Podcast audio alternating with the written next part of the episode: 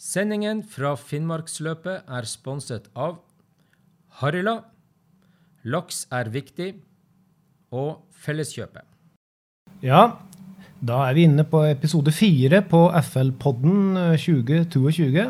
I dag så har vi Eller i kveld, for å si. Ja, det, det er jo det for å si kvelden, for det er jo det er gjort det mørkt ute nå. Men nå har vi altså vært så heldige at vi har fått besøk av sjølveste Johanne Sundby i studio. Takk for at du kunne komme. Bare hyggelig og spennende. Ja.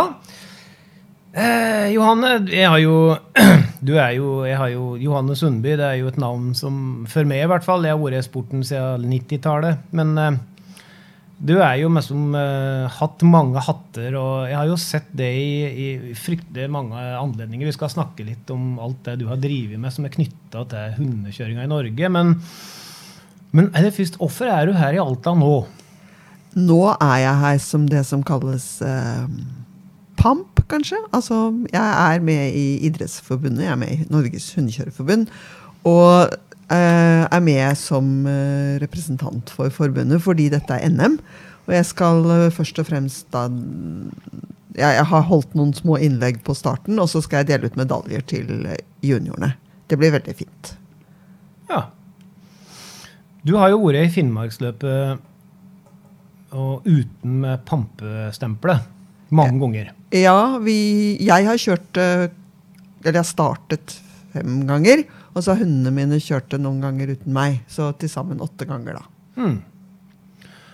Hva var det som fikk det til å kjøre Finnmarksløpet første gangen, husker du det? Jeg hadde en idé om at siden jeg har et lite hundespann og en liten kennel, og ikke på noen måte har tid eller anledning til å trene så mye eller ha så mange hunder at jeg kan konkurrere eh, om å plassere meg, så skulle jeg ha en annen strategi, og det var at jeg skulle kjøre alle hundeløpene i hele Norge. så da var Finnmarksløpet ett av løpene jeg skulle kjøre. Eh, og, men det var jo artig, da. Så når jeg først var kommet i gang med langdistanse og, og Femund og Finnmarksløpet, så fikk jeg lyst til å kjøre det om igjen. Og om igjen. Det er interessant. Mm. For å kjøre så her lange løpene her jeg har prøvd å kjøre Finnmarksløpet og, og vært ganske langt baki. Og så har jeg prøvd å kjøre og være helt først. Og når, når du er langt framme der, så har du så mye adrenalin i kroppen, og det går meg sånn på der. da. Når du begynner å komme litt lenger baki, så, så er det tøft. og Det gjør jo litt vondt òg å kjøre Finnmarksløpet. Det er ikke noe kosetur. Men hvor er din motivasjon for da å komme tilbake til dette her gang på gang? For det, det, det gjør jo vondt. Det gjør vondt. Veldig annerledes enn det jeg gjør i det daglige. Altså, folks ja, jeg er litt bitte grann sånn hyper. Jeg liker å gjøre mange ting og ha mange jern i ilden. Det, det, er min personlighet. Ikke noe uh, uansvarlig hyper, men, men, jeg liker å holde på med ting. Og så sier folk at du må liksom koble av, og du må meditere, eller du må drive med yoga, eller noe sånt, og så sier jeg at det er ikke noe for meg. Men jeg kobler ganske bra av, og jeg tenker ganske fritt når jeg står på hundespannet. Og når jeg står på sleden, så lar jeg tankene flyte, og så blir liksom verden utenfor litt borte. Og så får jeg litt kreative ideer og litt sånn overlevelsesinstinkt. Og så ser jeg på naturen, og så syns jeg det er hyggelig å være sammen med hundene. Og så, så, får jeg det som jeg tror i idrettsverdenen så kaller de det en slags flyt. Altså at ting går videre. Og du blir i en slags sånn meditativ tilstand. Og, og det liker jeg. Og det, den følelsen av å få til ting og mestre ting som man får når man ja, Man må komme til mål, da. Helst. De gangene jeg ikke har kommet til mål, så er ikke den følelsen så god. Men uh, den varer jo ganske lenge etter at man har kommet til mål. En god følelse. En følelse av at man lever, og at ting er bra. Og, så det er vel det da, som driver meg, tenker jeg. For jeg er ikke noe spesielt konkurranseminded. Altså. Nei, for jeg skulle jo ta og si at uh, disse aspektene du nevner for meg nå, du kan jo få dem på en treningstur på Hardangervidda i stedet for å bruke 50 000 kroner og, og to uker fri fra jobben uh, og reise helt oppi her. Ja, men jeg er litt lat. sånn at når jeg er på treningstur, så har jeg så mange gode argumenter for å slutte. Ja. Eller snu eller dra hjem eller ikke dra ut eller det er for dårlig vær. Eller. Men når jeg er på løp, så, så blir det borte. Da skal mm. jeg til mål. Uh, som, som alle de andre. Så, så, den delen av konkurranseinstinktet er der. Altså jeg konkurrerer med meg selv om å gjennomføre. Ja, det gjør jeg. Ja, også, det er tøft å komme til mål. Ja. Men det er jo Så vidt jeg husker, det, det kan være tøft å komme til start òg. ja, å komme til start kan være litt av en utfordring. Har du Jeg- en god historie? Jeg vet du har noen. Eh, Jeg har hatt et dårlig forhold til bil. Jeg har hatt biler som ikke vil at jeg skal komme på start opptil flere ganger. Jeg har variert i Bardufoss en gang med en bil, og da fikk jeg en nye, altså Da kom bilverkstedet og sa vi har en dårlig nyhet, og det at denne bilen her kommer du ikke til starten på Finnmarksløpet med. Og den gode nyheten var at jeg kunne låne en bil av dem. Og så ble det født en valp som da fikk navnet Bardus etter Bardufoss, for jeg stranda. Altså, jeg, jeg er ikke noe glad i den bilkjøringa. Det, er- det er virkelig en av grunnene til at jeg ikke kommer oftere til Finnmark, er at jeg gruer meg så skrekkelig til bilkjøringa.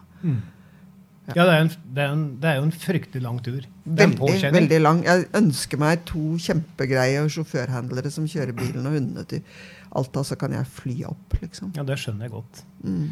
Men ehm, nå er du her og representerer Norges hundekjørerforbund. Yes. Og jeg kommer fly. Mm. Mm. Og, og, ehm, men, men jeg har lyst til å snakke litt om altså, Du har jo kjørt uh, Vi kan jo ta det heller først. Du, altså, jeg har akkurat hatt en lang podkast der vi har snakka om Alaska Husky og det for noe. Mm. Uh, og i hundekjøring så kjøres det jo med mange forskjellige hunderaser. Ja. Uh, og du er jo du, du er jo Du har jo en litt skal ikke si spesiell greie, men, men du, du kjører jo ikke Alaskan Huskies. Du kjører en rein rase. Ja, jeg kjører en kennelklubbregistrert hundetype som heter Sibirian Husky. Og jeg fikk min første Sibirian Husky av en kollega på jobben. Som uh, hun var datteren til Helge Ingstad, og hun hadde et huskykull. Og spurte om jeg ville ha en på hjemlån. Og, og sånn startet det. Og da var jeg godt voksen. Da Da var jeg ferdig med barn og, og en mann med seilbåt og litt forskjellig sånn. Så det endte opp med at jeg kjørte Ingstad-familiens hunder i syv år. Og da lærte jeg meg hundekjøring.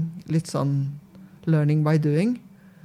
Eh, det var ikke noe spesielt godt spann, og det var ikke noe spesielt bra utstyr. Men uh, jeg begynte å Jeg er jo litt sånn utforsker, da, så jeg begynte å kan, skaffe meg kunnskap og erfaring. Og så syns jeg det faktisk var veldig mye morsommere enn veldig mye annet jeg hadde drevet med før. Så sånn ble det.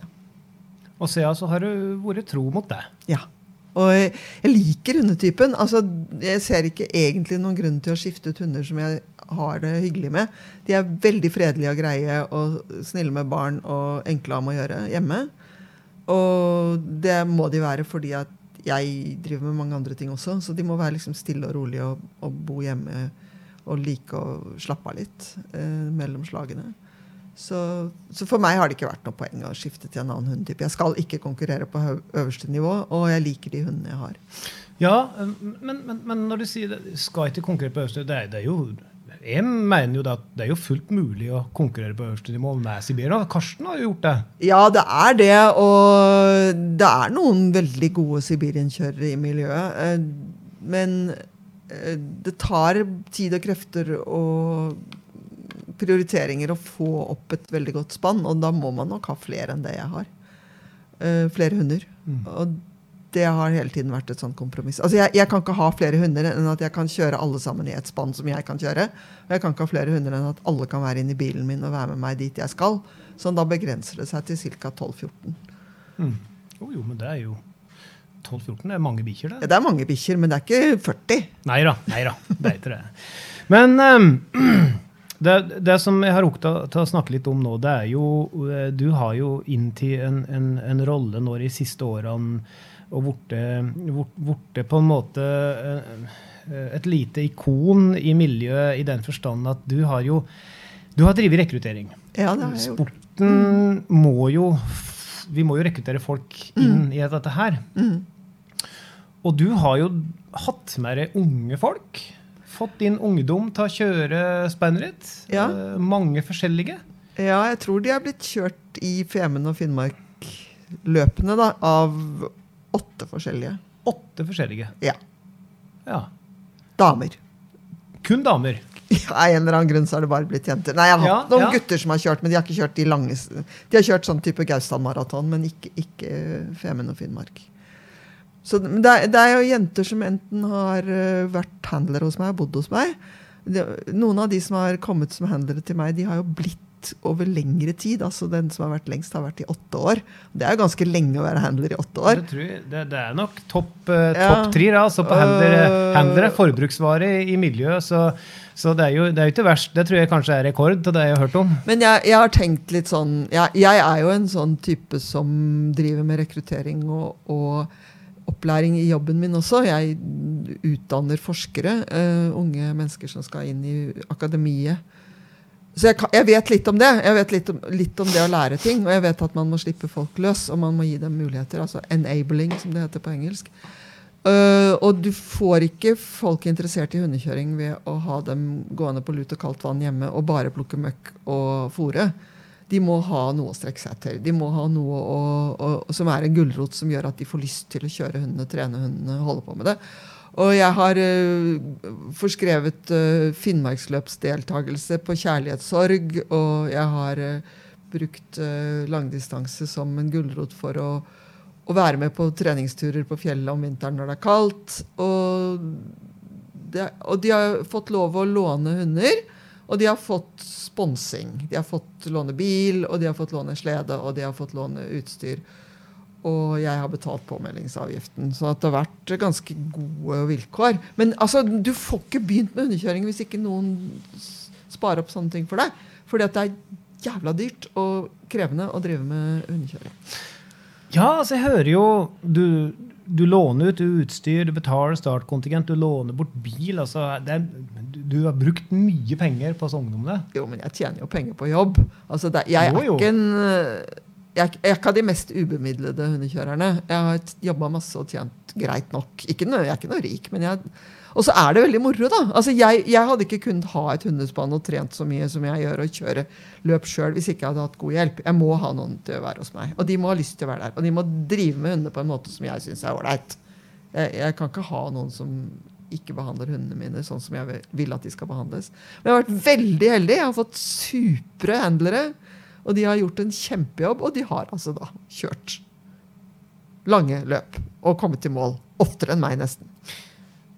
Bare litt den, den følelsen du har når du har en av disse ungdommene som du liksom har ført eh, inn i miljøet og motivert dem for å kjøre, sparka dem ut når de kanskje er umotiverte, og stått på. Og så sitter du da kanskje og ser på TV eller står i målområdet og ser at eh, din kjører og ditt spenn kommer i mål i sitt første lange løp. Ja. Da, da er det vel nesten litt Da er nesten så underleppa begynner å blir litt Ja, jeg blir jo veldig glad og rørt og stolt. Veldig. Og så blir jo, blir jo veldig glad i disse jentene. Eh, de blir jo nesten som en sånn ekstra døtre. Ja. Vi fortsetter jo å være venner i lang tid etter at de har forlatt redet. Eh, og de fleste av de som har vært hos meg, er jo fortsatt i sporten. De, jeg har uh, jenter som har kjørt femmeløp i år. Jeg har en, som har blitt veterinær og er løpsveterinær i år. Jeg har noen som er, er på sporet nå. Så, så det er litt gøy, da, at de faktisk syns at dette er artig. Og jeg, jeg kan ikke være handler for dem. at hvis jeg er handler for mine handlere, så blander jeg meg for mye opp i hva de holder på med. De lærer seg veldig fort andre måter å gjøre ting på enn det jeg gjør. Og man tror jo at den måten man selv gjør det på, er den eneste riktige. Eh, Det er- viser seg jo da at det går an å gjøre det på ganske mange andre måter. Og, og for meg har da, da valget vært at jeg, de tar med seg noen som de har lyst til å ha som handlere, eller handle for hverandre. Og så er jeg litt mer på sidelinja. Og det funker bedre enn hvis jeg skal være hands on-handler. For det, da blir jeg for, for eh, styrende. Det lærer man ikke av. Man lærer ikke av at andre styrer en. Man lærer av at man må løse problemene sjøl. og søke råd kan man gjøre, men, men kjøreren må være, ha kontroll på selve kjøringa si. Men jeg, jeg har jo drevet en del med dette sjøl. Jeg er jo litt i samme situasjon. Jeg, at jeg har jo øh, ja, nå har jeg jo jeg har en kennel og har litt kompetanse. Og, men, men, men samtidig så har jeg fått jobb og er i den der småbarnsfasen. Jeg er jo helt avhengig av å ha god hjelp og ha folk rundt meg. Jeg, så, så, så, så jeg kjenner meg litt igjen i, i mye av det du sier. Men jeg tenker på den her indre motivasjonen som du må ha for å drive med dette her, for å forsake og ofre så mye og gå gjennom den smerten det er når du er trøtt og kjei. og og du, hvordan tenker du, som beste, Åssen er det dine handlere har funnet den indre motivasjonen til å ta enda et år og enda et år, og så skal de kanskje flytte, men da, da har de med den motivasjonen, kommer tilbake til løp som handler, eller de skaffer noen egne bikkjer. Hva tror du med som er hva tror du vekker denne indre motivasjonen hos ungdom for å drive med hundekjøring?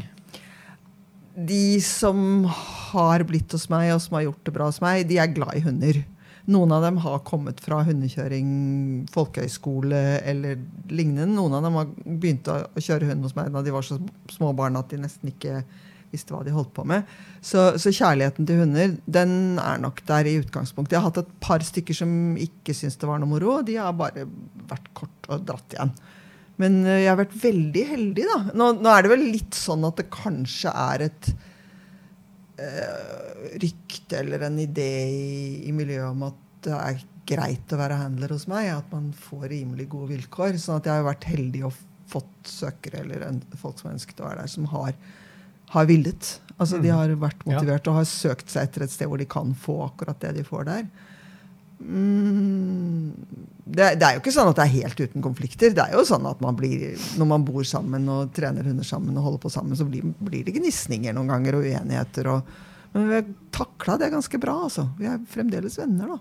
Mm. Ja, det, det, er fint, syns jeg. Ja. Mm. ja, du er jo du, jo, du, du, har jo hatt en, en, en mentorrolle for disse her, og det har du vel fortsatt? regner jeg med, alle disse her. Vel, du har vel kontakt med altså, dem? De jeg har hatt hos meg, de er jo ferdig utlært for lengst. De er jo kjempeflinke hundekjørere og aktive i miljøet. Uh, så, så det, men nå har jeg jo vært utpekt som sånn litt mer sånn profesjonell mentor av, av Femundløpet. Så jeg var jo mentor før Femundløpet i år. Og mm. da var det mer at folk tok kontakt på, i forkant av løpet og spurte om ting som de ikke tør å spørre om på åpne sider i hundekjøremiljøet. For da kan det komme sånne hauker som vet best, og som hakker det på folk.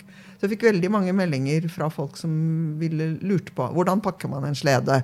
Uh, hva gjør man egentlig på sjekkpunkt? Skal uh, håndleddsvarmerne ha stoffsiden eller neoprensiden inn mot håndleddene? Masse spørsmål.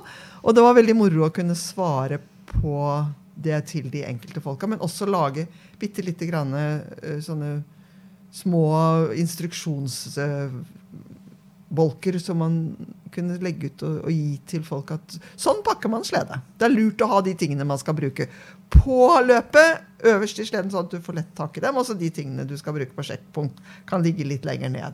Helt enkle ting. Mm. Jeg har jo tenkt mye tanker rundt uh, dette her med sport og jeg har vært engasjert på mange plan sjøl opp gjennom årene. Jeg har jo hatt mye verv og inn, sterkt involvert i Gosdal Maraton, Femundløpet, ja, Finnmarksløpet, og hatt mange ja. hatter og mm. prøvd alt. Men jeg har ofte tenkt på det at hvis du skal, hvis du skal f.eks. bli jeger, da, ja. Så, så, når du blir jeger, så da, da, da, da, har du et stort ansvar. For det første skal du ha et våpen, og for det andre så skal du, skal du ta liv og drive med dyr. og Du får mye ansvar uti der alene i villmarka, og for å få det ansvaret, så må du på en måte, måte Da må du avlegge en prøve og vise at du er verdig tilliten fra staten. Mm. Ved at du da får et bevis på at du har bestått jegerprøven. Ja. Og, og, så følger det videre en lisens på å bære et våpen til, som du må ha for å gå på jakt. Og den kan du miste. Mm. Jeg har jo vært frista i enkelte perioder når, når, når, det røyner på i sporten, og, og, tenker i samme tankene rundt dette her med langdistanse hundekjøring og løp. da. Mm. Uh, og jeg har også vært inne på tanken i å lage bøker om det, men, men, men du, jo, du, ligger jo, du, ligger jo, foran med løypa der. For du har jo allerede skrevet en bok. ja, det var litt pussig at det ble det, egentlig. fordi at jeg jeg skrev jo litt i det hundekjørebladet som kom ut noen år, som nå er lagt ned, men som Monica Celius var redaktør for. Og syntes det var artig å formidle ting fra, fra sporten. fordi jeg, jeg, lever jo for så vidt ganske stor grad av å skrive som forsker. da. Og, og syns at, at, det var lett å skrive. Jeg syns at jeg får til å skrive sånn rimelig greit. Men så, så skulle jeg jo skrive bok om hundekjøring da jeg fikk Først så fikk jeg liksom ikke noen napp noe sted, og folk sa nei, det er så lite marked. og Så var det et forlag som sa at ok, nei, men vi, vi satser på det. det. det. tror vi på. Men sønnen til forleggeren var hundekjører. Og så øh, begynte jeg å skrive, og så begynte, begynte jeg å snakke litt om at jeg skulle skrive bok, og begynte å konsultere folk og spørre folk for å, for å få et faglig grunnlag for det jeg skrev. Og så var det folk som sa 'hvordan kan du skrive bok om hundekjøring'? Du har ikke engang vunnet i Finnmarksløpet, liksom. Uh, du har ikke engang liksom kommet på topp ti.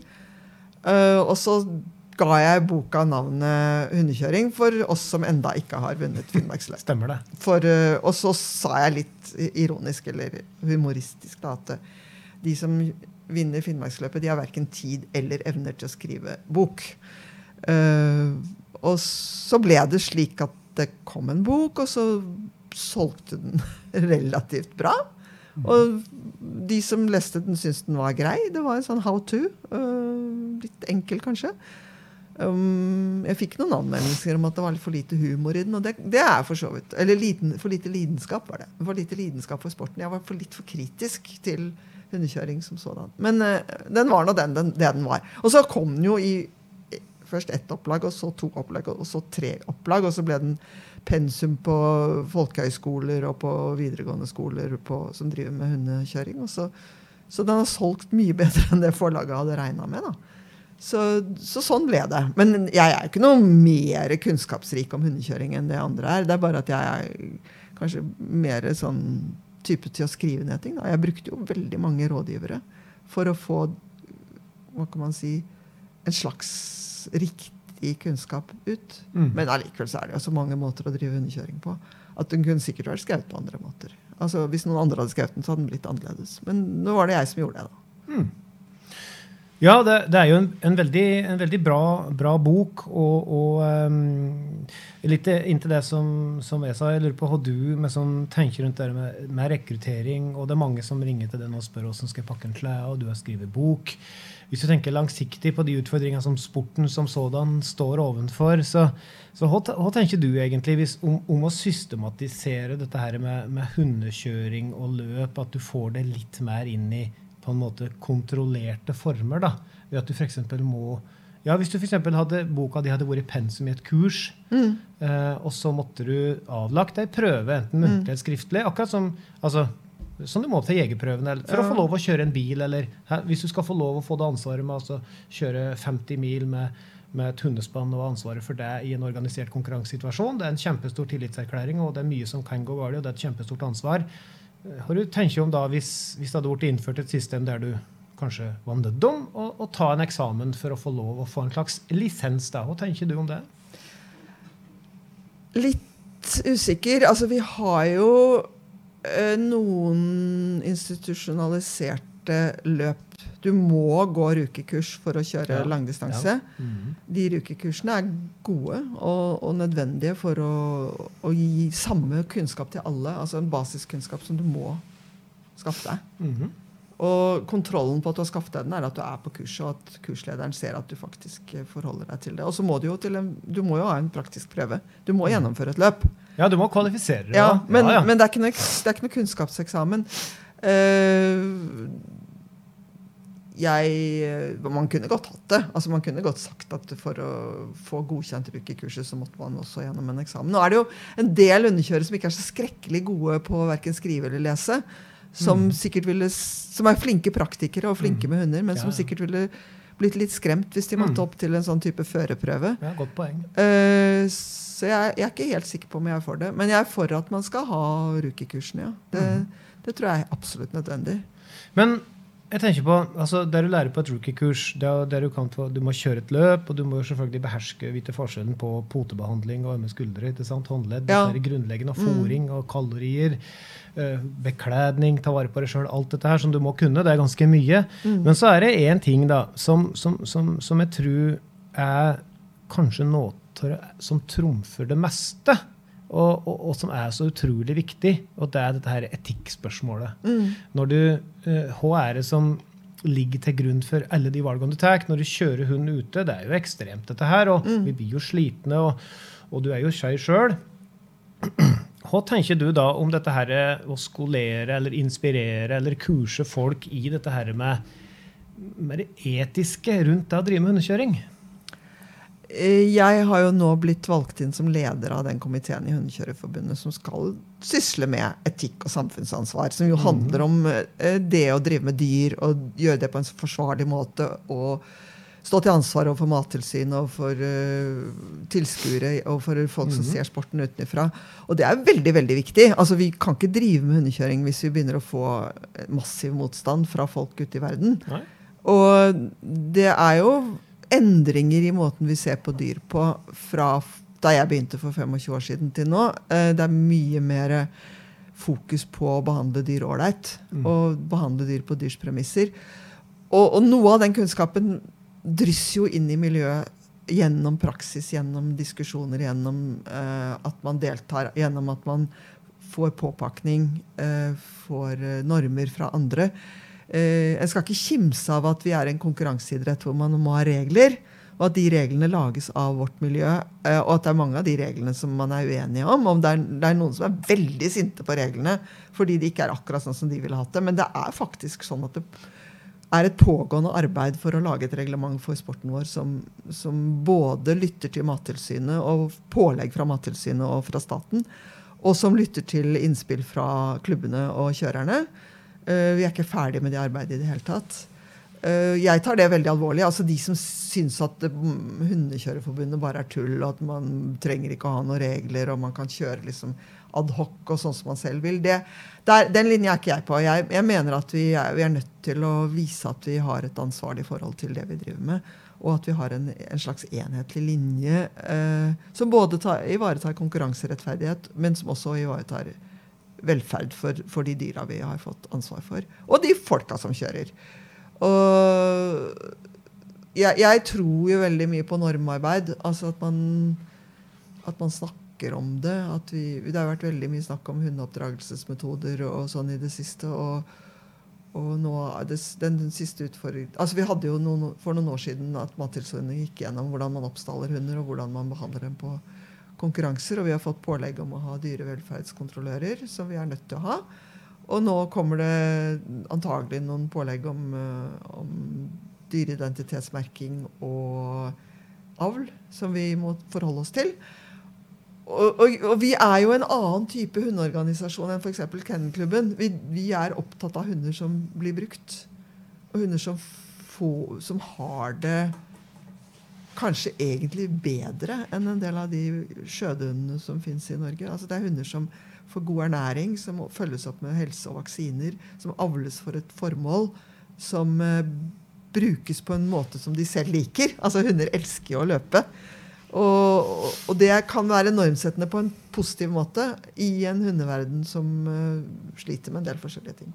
Ja, altså jeg, jeg kjenner jo mye på det ofte når, eh, når um, eh, jeg går djupt inn i bikkjeverden uh, tenker og reflekterer mye på altså de stundene når vi står og kjører og kjører, så driver jo kverna mi går jo. Ja. Og jeg har tenkt veldig mye på det og sett veldig mye at det, det som er litt dilemma her, det er jo det at, at, at uh, et, hvis vi har Jeg mener i hvert fall sjøl at hvis du har full respekt for et dyr, så behandler du det dyret, for der er nemlig et dyr og ikke et menneske. Jeg, jeg personlig mener jo at det å menneskeliggjøre et dyr, det er uetisk. Uh, ja, ja. og, jeg tenker at hovedproblemet i det samfunnet vi lever i i dag, eh, så er det da dette her med menneskeliggjøring av dyr, i mangel på kunnskap. At det er mange som, som automatisk tenker at eh, mennesker og dyr, det er bare å gi dyr og behandle dyr på akkurat sånn måten som vi burde behandle et menneske, så er det moralsk riktig. Eh, og, og, og, og så, men hvis du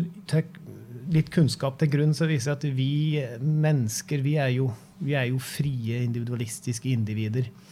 Eh, men- mens, mens bikkjer er jo et flokkdyr. ikke sant? Som, Ja. Så vi, hvis du behandler bikkja som det er, nemlig et flokkdyr, så, så er det jo nesten umulig å behandle det som et menneske. Eh, i den du skal forsterke, og Bikkjer er jo veldig enkle òg. Jeg tenker at, at det som jeg, ser på som dilemma, er jo ofte at det er kunnskapsmangel, grunnleggende kunnskapsmangel både hos hundekjørere om hvordan andre mennesker utafor ser på oss.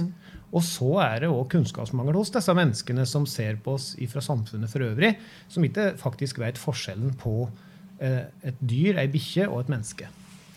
Ja, men så er det jo det forunderlige at iallfall i de årene jeg har drevet med hundekjøring, så syns jeg at hundekjørerne har blitt veldig flinke til å behandle hundene sine som trekkhunder. Øh, på en veldig ålreit måte. Når jeg, gikk jo rundt og så på hundene før løpet her nå. Det er hunder som skal gå eh, 120 mil eller 60 mil, og det var nesten 1000 hunder. Og det var ikke en lyd. De sto eh, bundet opp eller i bur og venta på det som skulle skje. De var helt sikkert klar over at de skulle ut og løpe. De vet at det er løp. De ser at nå skal det skje noe. Men de var rolige. Og de var fredelige. Og de var Harmoniske. våkne og harmoniske. Mhm. Og så når du begynner å putte dem inn i, i spannet, så bråker de. Og da, da bråker vi òg, for vi sender jo masse rockemusikk ut i ørene på dem rett når de skal ut og løpe. Det er jeg ikke sikker på om det er veldig gøy. Men, men jeg syns at um, måten hundekjørerne behandler hundene sine på nå, er ganske bra. Den er faktisk kanskje bedre enn en del annen hundehold som jeg ser. Og jeg ser veldig mye fine hunder. Godt pelset, godt ernærte, glade, eh, tillitsfulle. Og det, er viktig, det er veldig viktig at hundene har tillit til deg. Hunder er jo ekstremt banale når det gjelder at de er glad i den som eier dem. Og liker å være sammen med menneskene sine. De liker det like godt som å være sammen med nabohunden sin. Og det, det å kunne noe om trekkhunder, det syns jeg har, det har blitt mye bedre. Ja, åpenbart. Jeg husker de første løpene på 90-tallet som jeg var deltaker på. Der så jeg mye rart. Mm. Men når jeg sitter nå i studio og ser starter og jeg ser målganger Jeg, jeg sitter ofte og tenker at søren, altså, dette her, det, det er bra, altså. Det er, det er flinke folk, og det er fine, respektable bikkjer i mål, stort sett. Men så tenker jeg at det er som litt, dette her er, blir liksom ikke formidla godt nok ut til folk. Den forbedringa vi har gjennomgått, og, og bra at det her egentlig er. Og nå er jeg selvsagt jeg i glasshuset, for jeg er hundekjører sjøl, og det er Ja. du òg. Men jeg tenker på sånn, få formidla og kommunisert ut uh, at dette her er faktisk ganske bra. Eh, Jeg føler at de, det eneste blir satt fokus på den ene bikkja som døde under et løp, eller den ene hundekjøreren som mista hodet og gjorde noe veldig dumt. At det liksom blir så veldig kollektivt eh, dekkende for hele sporten. da. Men vi kan gjøre en god del i, i forhold til sånn offentlig øh, tilskuere og ja, eh, Mine hunder i dag de har vært på det som heter Barnas Femundløp. Der de kjørt rundt og rundt og rundt på et jorde med 150 barn. Som har fått lov å klappe og kose med og sitte på med og kjøre spann med. Hunder som også kan gå Finnmarksløpet. Og som er rolige og fredelige og barnevennlige og snille. Og, og jeg har hver sommer så har jeg en leir for barn som har lyst til å drive med å lære hundekjøring. Som små barn, altså fra seks til tolv. Og de kommer igjen og igjen, og de kommer med foreldrene sine. Og syns det er kjempegøy å være en Langviken og, og holde på. Altså Alt det som på en måte kan vise folk at disse hundene her er egentlig veldig greie hunder. Og håndterbare hunder. Og morsomme å være sammen med. Eh, vi har sånn hundeløpingskonkurranser og syklekonkurranser med barna. og og, og en ting som, jeg, som også har slått meg, er at for, for da jeg begynte med hundekjøring, så var det veldig mye krangling om kranglete hunder. Det var veldig mange som var veldig sinte fordi de, de mente at andre hadde kranglet og kjeftet. Sånn krokodilleaktige greier. Og så er det plutselig blitt sånn at det er veldig mye mindre krokodiller i løpene. Det er veldig få som melder inn til dommerne at hundene deres har blitt angrepet av andre hunder. Hvis du hadde hatt 1000 schæfere på en parkeringsplass på Finnmarksløpet her nå, så hadde hundene gnåla og kjefta, og antagelig, hvis de hadde sluppet til, krangla. Og det gjør ikke våre hunder lenger. Altså, I veldig liten grad. Det er noen få, men det er ikke mye. Nei. Og det, det er en oppdragelse av eh, hele miljøet, tenker jeg. Men, men du snakka om det nye nå. Det syns jeg er litt interessant å høre om. For det er ting som jeg ikke har hatt stuen til å sette meg noe særlig inn i ennå. Men det, det har jeg lyst til at du kan snakke litt om, for her står det avl og dyreidé. Ja. Kan ikke du fortelle litt om, om det som er Jo. i eininga nå? Jo, eh, det har vært en høring om eh, ID-merking. Vi har jo, For å få lov å kjøre løp, så må vi ha ID-merking. Men vi har eh, ikke laget et monopolregister. Vi har laget et register som tjener hensikten, altså koble hunden til papirene sine. Og vi har vel også spilt inn til Mattilsynet at hvis man skal innføre en uh, pliktig dyreregistrering, som man jo har på produksjonsdyr Altså alle produksjonsdyr i Norge må ha en klips i øret eller et eller annet som gjør at man kan identifisere dem. Og det kommer nok på hunder òg. Men da har de skjønt at, man ikke, at, at det må for det første være tilgjengelig og rimelig. Sånn at man ikke blir ruinert av å identitetsmerke dyrene sine. Og at eh, enten da må være et offentlig pålagt register som er billig, eller at man må ha eh, konkurranseutsatt. Altså at det kan være flere registre. Så der tror jeg de har hørt på oss. Iallfall så jeg på det tilbakemeldingen. At de, de går nok inn for at hunder skal være ID-merket, men at det ikke skal være et monopolregister. At det skal være et hensiktsmessig register. Og vi har jo det i hundekjøringa. Vi har jo et, eh, et register for trekkhunder som ikke er Kennelklubbens register. Mm -hmm. Så uh, og, og, vi har et pålegg om at hunder som skal delta i våre aktiviteter, må være koblet til et register, sånn at man kan si at de papirene der hører til den hunden. Det, og det er jo Jeg tror det er ålreit. Ja, nå, nå, er det jo Det står her avl. Ja, altså, så avl er det andre. Ja, ja, for altså, Hvis du har et slikt register, Eh, det du snakker om nå, det er jo der, det er grunnen til at der, det registeret vi har, Race Dogs og stamtavler, ja. det, det er jo fordi at det er veldig Når vi kjøper oss noen bikkjer skal avle med noen bikkjer, så kan vi få en genetisk oversikt. ikke sant? Mm, yes. Men, men så, så, kan vi begynne å snakke om genetisk kontroll. Da, for her nå, nå kommer vi litt inn på det med etikk mm. og moral. Vi mm. har jo f.eks. tjuvparinger, som vi har snakka om i podkasten tidligere i kveld. At, at det skjer, ja, det skjer ting. Ja, det skjer. Det skjer. Uh, og, og, og uh, men hva tenker du i forhold til dette med at vi har et avlsregister? Jeg er ikke sikker på at et sånt register først og fremst skal være et avlsregister. Det skal nok mer være et register som knytter hunden til papirene sine og, og mm. gjør at man kan identifisere en hund. Altså Hvis man finner en hund på gata, så kan man sjekke om den hunden er registrert og finne eieren. og sånne ting. Men, men det er klart at um, Et manntall. Ja. Mm. Men det finnes jo tre former for dyreoppdrett i hundeverden nå. Det finnes de som er Kennel Club-registrerte, og det er jo veldig strengt og litt sånn firkanta register, uh, hvor du får ikke, får ikke, lov å selge hundene eller avle eller whatever hvis ikke du er med i det systemet der. Det gjelder det som de kaller rasehunder, som jeg er ikke så glad i å bruke rasebegrepet i forhold til noe som helst. Ja, da, så jeg kaller det Kennel Club-registrerte hunder. Mm. Typer. Ja. Og de, de har jo fått mye kritikk nå. De har fått kritikk Eh, fordi det er, det er, kommet et forbud mot å avle noen spesifikke hundetyper fordi mm. de blir syke. Mm. Og det tror jeg er bra at vi begynner å snakke om. At vi, at vi ser på sunnheten i hundene. Og det er jo det som vi er gode på, da. Vi i hundekjøremiljøet er gode på å avle på hunder som er friske og funksjonsdyktige. Ja, det, er det, er det, det eneste vi avler på. Det er det eneste vi avler på. Og det gjør at vi har et, et kunnskapsgrunnlag i forhold til den biten som etterspørres av de andre hundeorganisasjonene.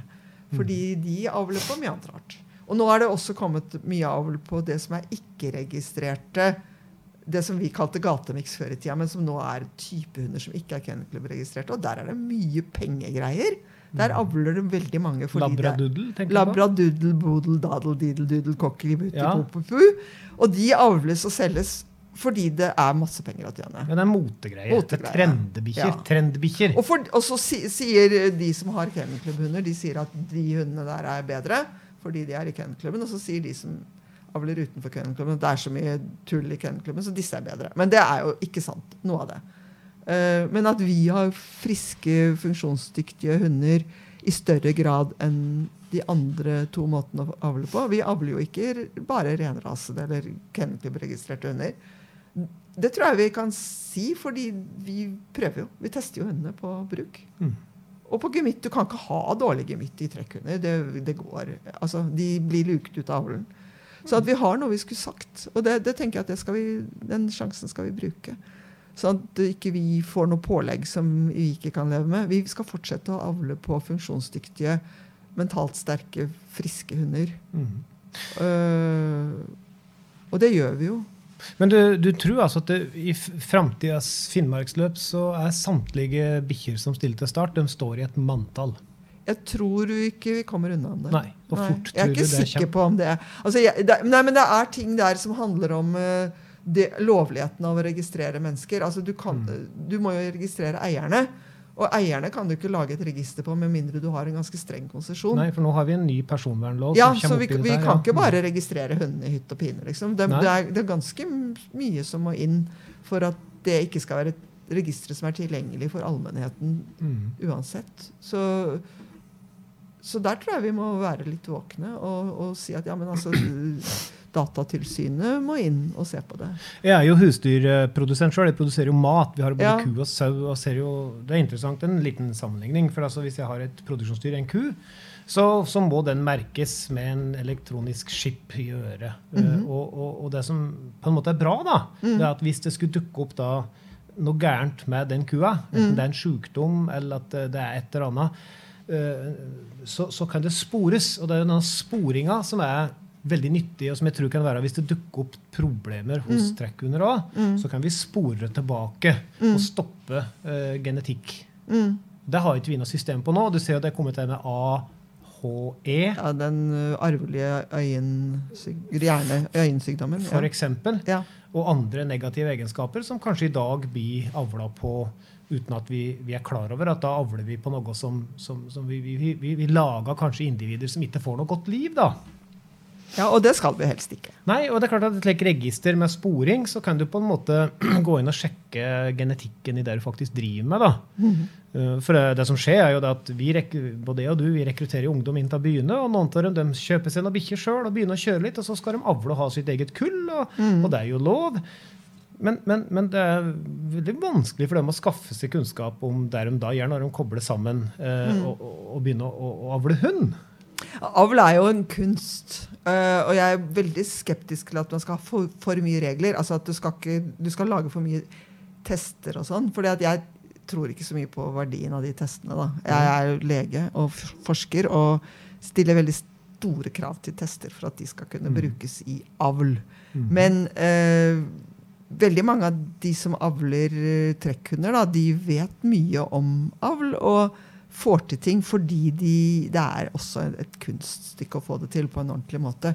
Og Derfor så må vi være forsiktige, så vi ikke lager for mye regler, og ikke bruker kunnskap som ikke er noe verdt i avlsarbeidet. Altså vi, vi kan ikke avle bare Vi kommer aldri til å få 100% vellykket avl, fordi det vil alltid gå galt bitte lite grann her og der. Vi vil få noen skakkjørte individer som er Plutselig dukker det opp en eller annen sykdom som vi ikke visste om. Det gjør det hos mennesker òg. Og, og, så vi, vi må ikke ha overdreven tro på disse her registrene, men vi kan bruke dem for det de har vært. Og de kommer til å komme. De kommer. Det Om gjør de helt tid. sikkert. Ja, ja, ja. Snart. Vi skal snakke om det nå, det året som kommer nå. Mm. Ja. Men eh, jeg ser det står på, på, på lista mi, vi har gått gjennom litt på forhånd. Det, det er noe med dette her eh, med, med rettigheter i utmark, står det her. ja. Eh, Du satt og gjennomgikk dette her litt sammen med en annen medarbeider til meg før vi skulle inn i, i podkasten. Har jeg du har lyst til å si knytta til akkurat dette med rettigheter i utmark? For der har vi nå en veldig interessant sak som pågår mm. nede i- ikke så langt ifra Finnmark, faktisk. Og det berører jo eh, så Nå har vi snakka om rekruttering, etikk, mange viktige temaer som angår hundekjørere. Men dette her er, det hjelper ikke uansett hvor flinke vi er og mye alt blir på stell, hvis vi ikke får lov å drive med aktiviteten vår. Og der har vi jo et problem, for vi er nederst på rangstigen over hvem som synes de har rettigheter, eller som man tilkjenner rettigheter i bruk av utmark, som jo er det vi gjør. Vi kjører med hundene våre i utmark. Vi kjører i områder hvor eh, det ikke bor så mye folk, og hvor det ikke er så mye aktivitet. Og der har vi jo allemannsretten i Norge, som gir folk rett til å drive på med ting som ikke belaster utmarka og ødelegger den. Altså Vi har begrensninger når det gjelder motorisert ferdsel, og vi har begrensninger på en del andre ting. Men ellers så er det egentlig sånn at vi kan bruke utmarka. Men så er det jo andre brukerinteresser. Det er eh, de som er bofaste og driver med beitedyr. De eh, hevder noen steder, men ikke overhodet ikke overalt, at uh, ferdsel med hunder i utmark ødelegger uh, for deres beitedyr. Og så er det jegere som syns at ferdsel i utmark under jakta eh, forringer jakta. Og så har vi da alle disse nye hyttebyene som er bygget i utkanten av utmark, hvor det skal kjøres motoriserte løyper for skiløpere. Og alle de brukerne har konflikter med hundekjørerne. Hundekjøring er jo for så vidt en, en eh, omfattende idrett. Altså, det, er ikke, det er ikke sporløs ferdsel uten videre med hund. Man må ta hensyn. Men, og vi er færre enn eh, skiløperne og bøndene med, med beitedyr. Men allikevel så er det ikke dermed sagt at vi skal jages vekk. Vi skal også ha tilrettelagt mulighet for å drive med det vi gjør. Ja, nå snakker jo ved en gaustøl, da. Ja, Du har jo problemer i den bygda di, har du ikke det? Jo, altså Den historien er veldig interessant. For når Ja. jeg starta med bikkjekjøring tilbake i 1997, Mm. så, så, så var det jo slik at, eh, at um, eh, hvis du hadde en slede på taket på bilen din da, så, så, så burde du se etter så ingen la seg ned og skjøt etter omtrent. Altså, det, var, Ja. det var ordentlig.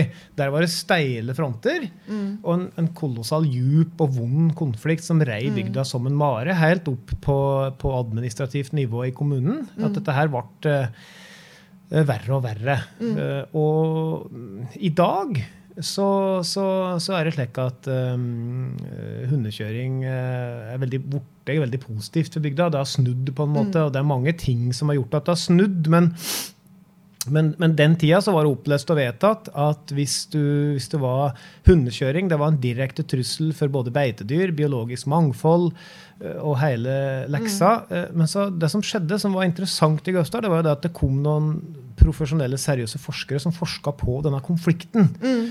Uh, og der var det både økologer, biologer og, og samfunnsvitere som, som laga en tech forskergruppe som mm. gjorde en serie dybdeintervjuer og publiserte en ganske stor rapport som ligger ute og er mulig for folk å se. Og jeg anbefaler nok spesielt folk fra Nordreisa, er det der, Mm, det er der, ja. og, Der å er det en laste ned den rapporten. Eh, Den konkluderer på en måte med at, eh, at eh, konflikten med hundekjøring i Gausdal eh, det var en personkonflikt. Ja. Eh, Det var det det Mm. gikk på. Vi ser jo nå i dag, så ser vi jo i Torpa f.eks., der som mange av, eh, noen av landets beste langdistansehundekjørere bor, og som trener veldig mye, der er det jo sentrale eh, husdyrbrukere som er med og legger til rette Mm. for at de skal kunne trene.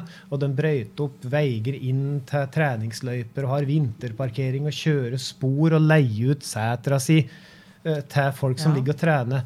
I Gausdal har det skjedd veldig mye positivt, og i Torpa. Mm. Eh, Så der har det på en måte snudd. Det er liksom ikke noe særlig tema lenger. Det er ikke det. Nei, og det er jo viktig å notere seg, fordi medienes fokus på sånne hendelser som f.eks. Finnmarksløpet, som jo er, og, og alt det som har vært rundt det, har jo vært med på å skyve tingene i en positiv retning. Det er mange som syns at hundekjøring er kult og morsomt og spennende og interessant, og som skjønner at dette ikke bare er øh, men at dette er noe som trekker til seg penger og interesse. Her i Finnmark har de jo knytta mye hendelser til Finnmarksløpet som ikke handler om å kjøre med hund, men som handler om å være i Finnmark og se naturen og nordlyset og eh, kulturen og turismen, og, og, og som gjør at det er mye, mye større enn bare sporten. Og vi er med på å gjøre det attraktivt for Finnmark å ha løpet sitt. Og de prøver også det i Femundtraktene, Innlandet, der fordi det, så, det skjer egentlig litt lite der. Og de trenger den typen oppmerksomhet rundt de mulighetene som fins på, på landsbygda i Norge. Fordi eh, er, altså folk skal leve av noe. Og jeg, jeg tror at man kan bruke det positive rundt hundekjøring for å snu trenden eh, noen steder. Men vi, vi, har hatt, vi har forhandlet oss fram f.eks. der jeg bor, jeg bor jo også på landsbygda nå, at vi får lov å kjøre hund i skiløypa eh, et stykke. Vi har hver våre løyper, men for å komme til hver våre løyper så må vi kjøre et stykke fellesløyper. Og der har de sagt at ja, ok, da får dere gjøre det, da. Og så får de løypene akkurat opp de to-tre kilometerne får være litt dårligere. Uh, altså Det finnes mange muligheter for kompromiss. Og der tror jeg uh, at du kommer inn på det som er vesen, det vesentligste her, og det er nemlig det her med kompromisser og forhandlinger. Ja. For det som var i Gusdal når jeg flyttet dit, det var at de hundekjørerne som var der, de var hundekjørere 100 og de trodde faktisk at de var alene i verden. ja. Og for dem så, De kunne ikke skjønne hvorfor de ikke kunne gå på tur eh, midt på sommeren med, med 40 bikkjer løse. Eh, For de skulle jo vinne Finnmarksløpet, så Ja, bikkjene måtte jo strekke ut etter en treningstur. Mm. Eh, Og de kunne heller ikke skjønne hvorfor gårdbrukerne ble så sinte. De, de måtte jo kjøre gjennom uh, gjerdet, så Ja. de klyfte opp et nytt gjerde med vinkelsliper. Og, og, og bare bana vei rett gjennom et plantefelt på andre sida. For de måtte jo trene. Ja. Altså, den Sauebrukeren måtte jo forstå det. Ja. Ikke sant? Voldsomme like kløfter, og det var det vi starta med da jeg begynte med hundekjøring i 97. Da var det, da var det, det var noen få standhaftige sånne krigere som sto igjen på sine forskjellige barrierer i Gausdal og kjempa, og dette her hadde media tatt tak i. Men, så, men så, det som utløste dette her for meg, det var det at når jeg begynte Jeg gikk jo i læra hos noen av disse gutta, og så begynte så karene, gamle menn, og så begynte jeg å, å bygge min egen kennel. Og da, og da husker jeg jeg flytta inn i en egen avkrok i bygda og bygde opp kennel der. Og i den bygda så hadde det vært noen tragedier noen år tidligere med noen løse grønlandshunder som hadde re- renska litt opp i noen sauebesetninger. og Det er skikkelig ille. Og Da var det en gårdbruker som kom bort til meg og sa det at eh, jeg har ingen verdens ting imot det som person. Du er sikkert en trivelig kar, men jeg må bare si ifra at ser jeg en løs hund her om sommerstid, så skyter jeg den. Ja. Det spiller ingen rolle for meg om den bikkja ikke og gjør sikkert noe, men det spiller ingen rolle. Altså Ser en, løs, en av dine bikkjer er løse om sommeren, så skyt den. Ja. Og, det, og så bare sa han hyggelig ha det bra og reiste på en ordentlig måte. Ja. Og da tenkte jeg at dette her må jeg forholde meg til. Ja. Jeg må forholde meg til at, at slik er det her. Ja. Og så begynte vi etter hvert å si som så at ja, OK, vi, har, vi kan ikke ha løse bikkjer om sommeren, for at det, det vekker angst og frykt hos husdyrbrukere. Med god grunn. Med god grunn. Og, og, og, så tenker vi at så, så kommer elgjakta, ikke sant? Og disse elgjegerne, de, de var akkurat samme. ikke sant? At eh, det kommer en slik eh, Zarathustra-lignende individualist eh, og bare durer ifra seg 20 bikkjer som står og bjeffer i med midt i elglosen, midt første uke av elgjakta, ikke sant? Og, og um, igjen, forhandling. OK, jeg må trene langs denne veien. Men jeg skjønner at elgjakt er viktig for dere. Da kan jeg ta en pause første uka til dere Ja, har fått jakta det det sånn- verste. Og så trener jeg bare for kun etter mørkets frambrudd når dere har gitt dere om kvelden. Og vips, så var det i orden. Og, og, um, og slik begynte vi. Og, og via forhandling og kommunikasjon så har vi altså snudd Gausdal fra der det var, til der det er i dag. Vi har jo et av de største bikkjeløpene i hele Skandinavia Skandinavia som engasjerer hele bygda. Eh, og, og vi, eh, det bor jo nå eh, snart et tjuetalls hundekjørere i Gausdal. Mm. og det lages treningsløyper, og det kjøres løp, og stort sett nå så er det ganske god stemning, altså.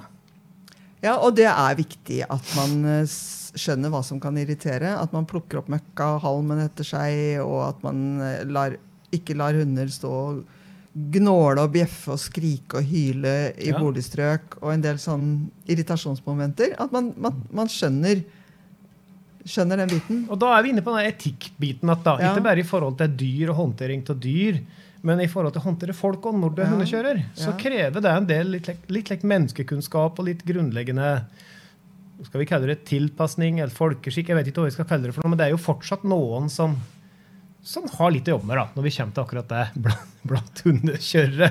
Ja, da jeg flyttet opp der hvor jeg bor nå, som er midt på et jorde hvor det beiter kuer, så inviterte jeg alle naboens barn til å kjøre hundespann på, på jordet om vinteren for å, at de skulle se hvem jeg var, se hva slags hunder jeg hadde, se at jeg hadde høye gjerder rundt hundegården, og bli vant til at jeg var der. Og det har vært veldig ålreit. De vil gjerne at jeg skal gjøre det i år òg. Ikke sant? Ja. Tida går, Johanna. Johan, vi, Ja. vi um, Men jeg har, jeg har et spørsmål til slutt. Hvis Mm. ikke du har noe mer på hjertet som du har lyst til å si, så har jeg et spørsmål, eh, Ja. litt, litt vanskelig spørsmål. Og jeg tenker okay. at ok, vi, vi, vi, vi har jo utfordringer òg med å drive sporten og livsstilen vår med å drive og kjøre bikkjer og komme til Finnmark og kjøre Finnmarksløpet. Men, men for framtida nå, hvis du, hvis du tenker hva er, hva er den største utfordringa som sporten og Finnmarksløpet står overfor? Den største utfordringa i framtida. Hva tror du den er, hvis du skulle velge én? Kanskje klima. Klima, ja? Ja, at vi får veldig korte vintre. Og mildvær, sånn som vi har fått nå. At det blir vanskelig å gjennomføre ordentlige løp. Eh, vi er jo ikke akkurat noen sånn klimanøytral sport. Eh, vi er ikke noen bærekraftsvinnere. Vi kjører digre dieselbiler og bobiler og eh, kjører 200 mil for å komme til løpet. Og, vi, og, vi, og vi, vi baserer oss på et biprodukt fra kjøttindustrien. Det gjør vi. Det er kanskje, altså Kjøttindustrien er jo der uansett, og at noen spiser opp restene foreløpig. Så, men hvis det blir mindre pro kjøttproduksjon og vi går mer over til å spise grønnsaker, så gjør jo ikke hundene det. Eh, vi må tenke bærekraft, tror jeg. Og det går an å kjøre med hund på en mer bærekraftig måte. Men vi må kanskje svelge noen kameler. Ja. Eller noe sånt. Mm. Jeg, jeg, jeg er bekymra for klima. Det kommer jo en klimarapport nå, og jeg, jeg er litt bekymra for det. Også. Jeg, ser, jeg ser at det, det kan bli en utfordring. Ja, vi, vi arrangerer jo maraton. Jeg har vært med arrangert maraton hvert år i 20 år snart. Eh, I år så måtte vi avlyse maraton for første gang. Ja. Av snømangel. Det har ikke skjedd før. Altså, det, bare, altså, det, er, det er ting som, som, som er Det er ting på gang. Og vi, vi, vi kanskje liver vi litt på lånt tid, både i forhold til klima og generell økonomi i samfunnet. også, ikke sant? Og vi Mm. har dette her presset, dyrevelferdspresset, den der kommunikasjonen og forståelsen fra samfunnet rundt. Så vi har jo vi, vi, Det står jo en del utfordringer i kø Mm. på lang sikt for det vi driver med. Det gjør det. Og det må vi ta alvorlig.